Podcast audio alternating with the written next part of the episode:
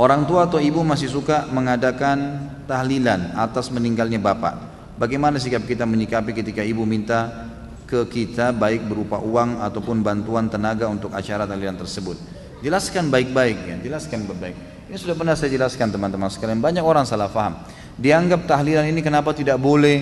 Ini berarti aliran keras, tidak benar. Itu kan zikir, itu kan bagus. Permasalahannya bukan itu teman-teman. Kita ini dalam agama disuruh meletakkan sesuatu pada tempatnya. Letakkan sesuatu pada tempatnya. Jadi Nabi SAW diutus untuk dicontohi, gitu kan? Nabi tidak pernah teman-teman di acara kematian itu mengadakan tahlilan, duduk, baca zikir rame-rame, niatnya kirimkan untuk orang mati. Ini tidak pernah ada dalil menjelaskan zikir bisa sampai ke orang mati, gitu kan? Jadi kita harus jelas masalah ini.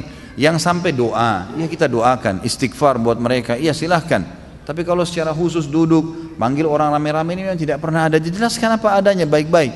Dan kita, saya sudah bilang itu hari, kalau teman-teman eh, mau sportif dan hidup tenang, maka dukunglah semua kebaikan orang yang di sekitar kita dan ingatkan yang salah saja. Jangan memfonis orang itu salah langsung keseluruhannya hanya dengan satu kesalahan. Ini nggak boleh, gitu kan? Baik itu individu ataupun jamaah kelompok. Saya pribadi, saya sangat tidak setuju kalau ada orang begitu ada satu kelompok berbuat salah atau ada satu perbuatan yang melanggar agama langsung difonis semuanya itu sesat. Itu nggak boleh. Ada perbuatan mereka yang baik kan, yang baik kita dukung, yang salahnya kita ingatkan. Karena ormas, yayasan, pesantren, gelar-gelar kiai kah, ustadz kah, habib kah, siapa saja, ini adalah tunggangan-tunggangan saja sebenarnya. Bukan itu target agama. Target agama adalah memperbaiki yang salah dan mendukung sesuatu yang benar, gitu kan? Jadi seperti itulah kita melakukan perbuatan-perbuatan yang baik, kita dukung yang baik dan kita luruskan yang salah. Jadi seperti kasus tadi, masalah ibu ini, kalau dia mengajak kita melakukan satu perbuatan yang keliru, kita sampaikan apa adanya hukumnya. Lalu dari sisi lain, apa pun yang baik, yang sesuai dengan sunnah, dukung. Dukung, gitu kan? Apa saja yang dia lakukan, dukung. Misalnya dia mau bersodakah buat orang tuanya yang sudah meninggal. Ah ini sesuai dengan sunnah Nabi. Ini silakan.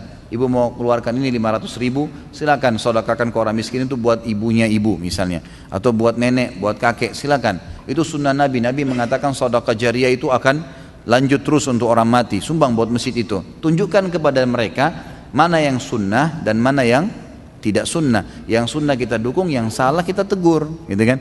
Tapi jangan sampai kita meninggalkan ini, kemudian yang sunnah kita tidak contohkan. Ini keliru dan saya sudah pernah berikan banyak contoh-contoh berhubungan dengan masalah seperti itu.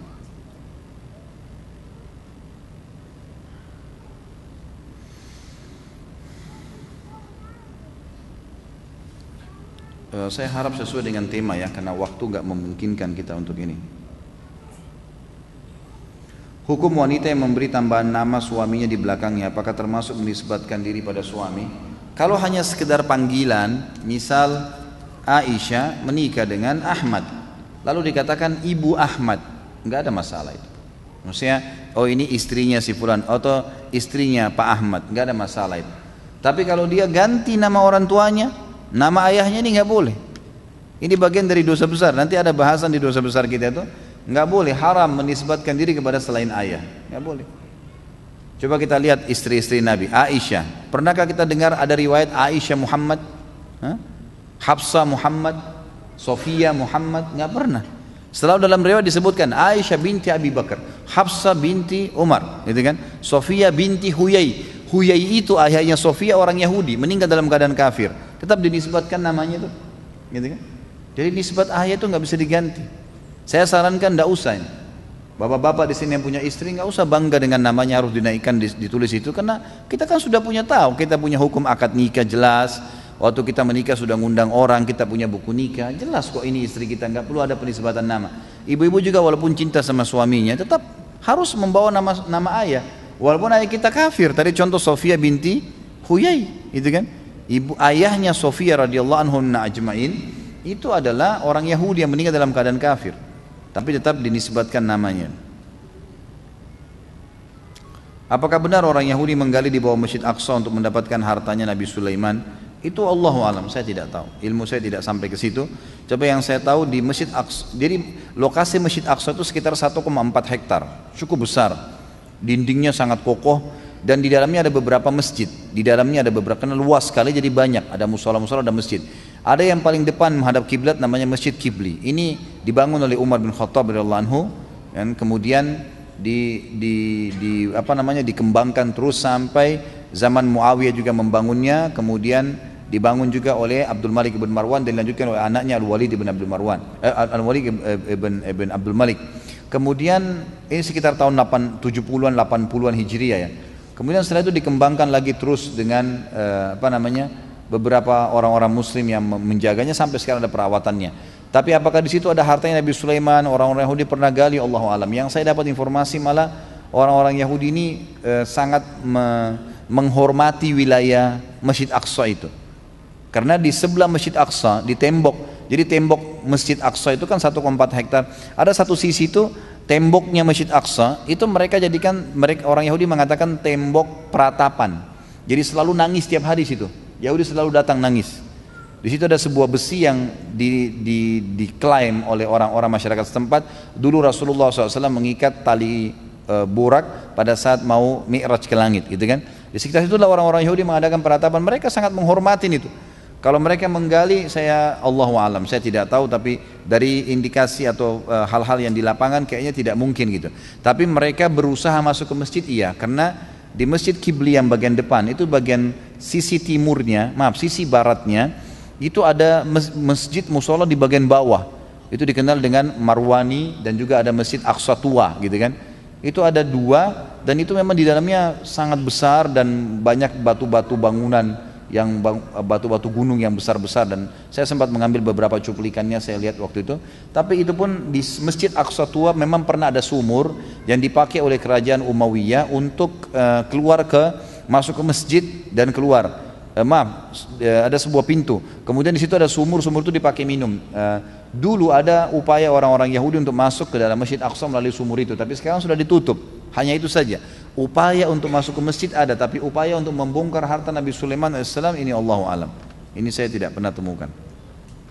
Apa yang harus orang Islam lakukan tentang pergerakan Syiah yang akan memerangi Islam? Bagaimana pendapat Ustaz? Tentu saja ini harus diingatkan kesalahan, penyimpangan yang sangat luar biasa gitu kan. Dan ini kita di Indonesia dan negara-negara Islam sekarang harus betul-betul memahami tentang siapa itu Syiah dan menjauhinya tentu. Mengingatkan, mendoakan saudara-saudara kita agar jangan terjerumus di dalam pemahaman yang salah ini. Karena jelas ya, kalau anda tanyakan kepada orang-orang Syiah, bagaimana keadaan bapak anda? Pernah ada teman saya berbicara dengan satu orang Syiah dan sangat bijaksana sebenarnya. Dia cuma mengatakan, bagaimana keadaan anda? Oh baik, temannya dia bilang. Kebetulan ini teman dan turunan Arab mereka berbicara bagaimana kak, bagaimana keadaan inti baik, ayah inti bagaimana baik, kakek inti bagaimana, oh baik, mertua semuanya baik, semuanya baik. Mereka dalam pandangan ente bagaimana? Baik, oh baik, mertua anak baik, kalau anak datang ke rumahnya selalu dilayanin, istri anak baik, semuanya baik, orang tua anak baik, semuanya baik. Lalu langsung temannya ini bilang, berarti ente lebih hebat dari Rasulullah SAW ya? Kaget dia, loh kok bisa? Kebetulan dua orang ini dua-duanya mengaku turunan Nabi, gitu kan? Jadi yang satu teman dekat saya, sahabat dekat saya. Maka dia mengatakan sama temannya nih, berarti ente lebih baik daripada Rasulullah SAW ya? Kakek kita. Temannya kaget, loh kok bisa? Tentu Rasulullah lebih baik. Dia bilang iya, karena Rasulullah kan kalian kafirkan mertuanya. Abu Bakar sama Umar, gitu kan? Kalian hina-hina istrinya. Sementara kamu tadi puji-puji istrimu, puji-puji mertuamu, bagaimana bisa? Berarti kau lebih baik dari Rasulullah. Terdiam akhirnya. Jadi pemahaman yang sudah luar dari situ saja sudah jelas salah. Untuk apa kita menghina mertua Nabi SAW? Untuk apa kita menyalahkan ya istri-istri Nabi SAW yang jelas-jelas meninggal dalam keadaan masih di bawah naungan Nabi SAW. Ini pemahaman yang keliru dan harus dijauhi, ya, harus dijauhi, gitu kan? Dan harus diingatkan kaum muslimin agar jangan sampai terpengaruh dengan eh, propaganda-propaganda yang mereka sampaikan.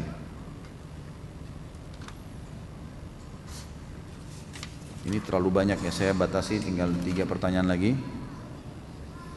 Apabila orang tua sudah meninggal dan mereka masing-masing memiliki saudara kandung yang banyak, bagaimana cara berbakti kepada saudara orang tua? Apakah mendahulukan kepada yang lebih tua? Tetap aja disamaratakan. Jadi bagaimana caranya supaya kita berusaha semuanya kita bakti, ya tidak ada istilah didahulukan. Jadi e, kalau kita membeli sesuatu, orang tua kita punya lima orang saudara, kita beli sesuatu yang kita dahulukan, beri, maksudnya disamaratakan, berikanlah sama-sama, gitu kan. Tentu kalau sebagian ulama beristihad mengatakan yang paling layak dibakti setelah kedua orang tua meninggal adalah saudarinya ibu. Saudarinya ibu. Yang itu setara dengan saudaranya ayah. Jadi saudara saudara perempuannya ibu dan saudara laki-lakinya ayah. Kemudian datang setelahnya adalah saudari saudara laki-laki ibu dengan saudari perempuan ayah. Ya, karena itu ada hadis Nabi tadi saya jelaskan di awal pertemuan, al ummu bimanzilati al khalatu khalatu bimanzilatil um. Saudari kandungnya ibu seperti atau posisinya sama dengan ibu.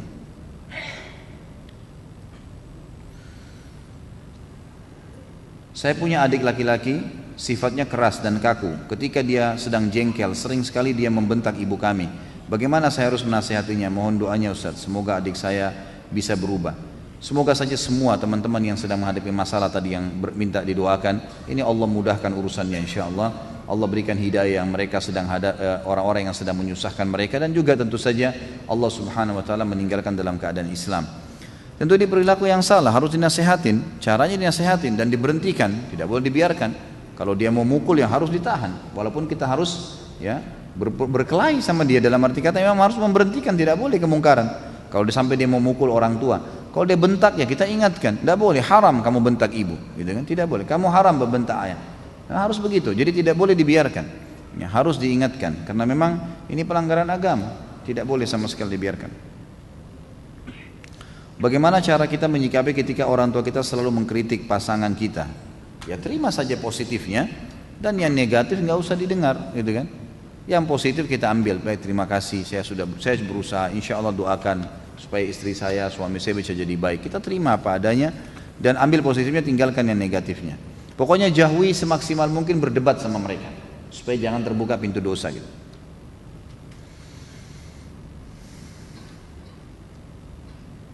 Mohon bimbingannya bagaimana cara membimbing anak usia di bawah tujuh tahun agar menjadi anak yang soleh, soleha dan berakhlak mulia karena saya khawatir dengan lingkungan yang mempeng, dengan lingkungan yang mempengaruhi teman bermain ataupun media HP yang dapat diakses bebas. Apakah ada doa khusus membimbing anak? Mohon doakan anak-anak Ustaz supaya menjadi anak yang berbakti, soleha, cerdas dan berakhlak mulia. Mudah-mudahan insya Allah diniatkan bisa didapatkan. Tentu kita sebagai orang tua harus harus tahu anak ini amanah dari Allah buat kita. Maka jangan biarkan dia seluasa yang ya, yang yang yang bisa gitu Sayangnya orang tua kepada anak adalah meluruskan kesalahan dan menuntun dia kepada kebaikan. Walaupun anak itu nolak, memang harusnya begitu. Dan kelirunya orang tua adalah kalau karena sayang, dia katakan karena sayang sama anak dibiarkan.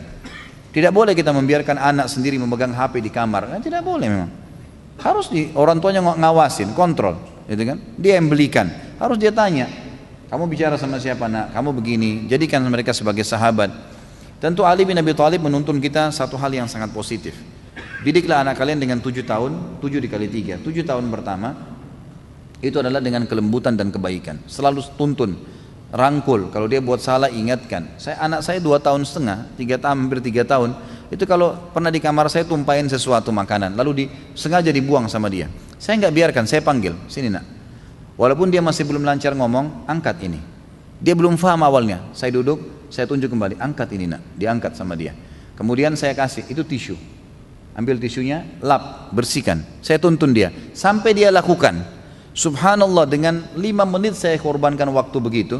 Saya pandu dia walaupun awalnya mungkin dia merasa berat atau belum faham atau anak-anak merasa tidak perlu.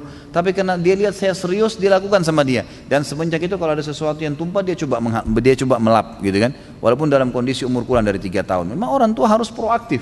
Nggak boleh kita biarkan. Dan hubungkan apa pun yang kita ingin berikan kepada anak kita dengan prestasi.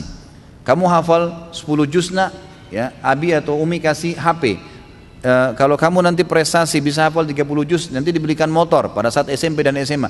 Hubungkan program-program hidupnya, prestasinya, apa namanya fasilitasnya dengan prestasinya. Dan jangan terlalu memberikan fasilitas sementara tidak ada prestasi, terutama berhubungan dengan masalah agama. Jadi Allah alam yang saya tahu mungkin lebih baik seperti itu ya.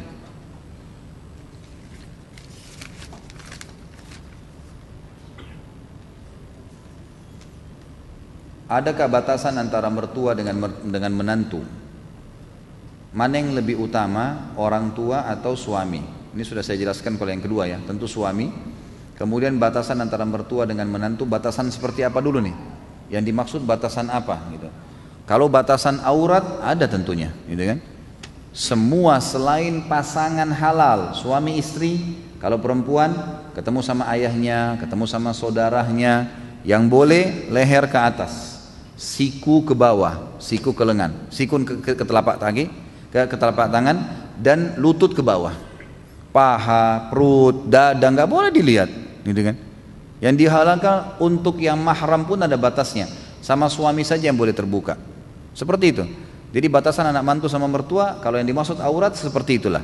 Laki-laki juga tentu ya. Tidak boleh anak mantu laki-laki pakai celana pendek di depan mertua perempuannya, tidak boleh walaupun mahramnya. Dia harus tahu adab-adabnya. Pakai celana minimal itu harus lutut yang tertutup karena aurat lutut ke sampai pusar gitu kan. Jadi harus kita tahu ada adab-adabnya. Kalau aurat, kalau masalah yang lainnya misalnya mengantar, masalah perminta minta tolong mahram tidak ada masalah. Boleh. Anak mantu boleh menjadi mahram pada saat safar mertuanya. Boleh, karena mahram, sudah jadi mahramnya gitu kan. Jadi ini sangat luas bahasanya, batasan yang ditanyakan seperti apa Allah alam yang saya cukup ingat yang saya jelaskan seperti tadi. Istri anak orang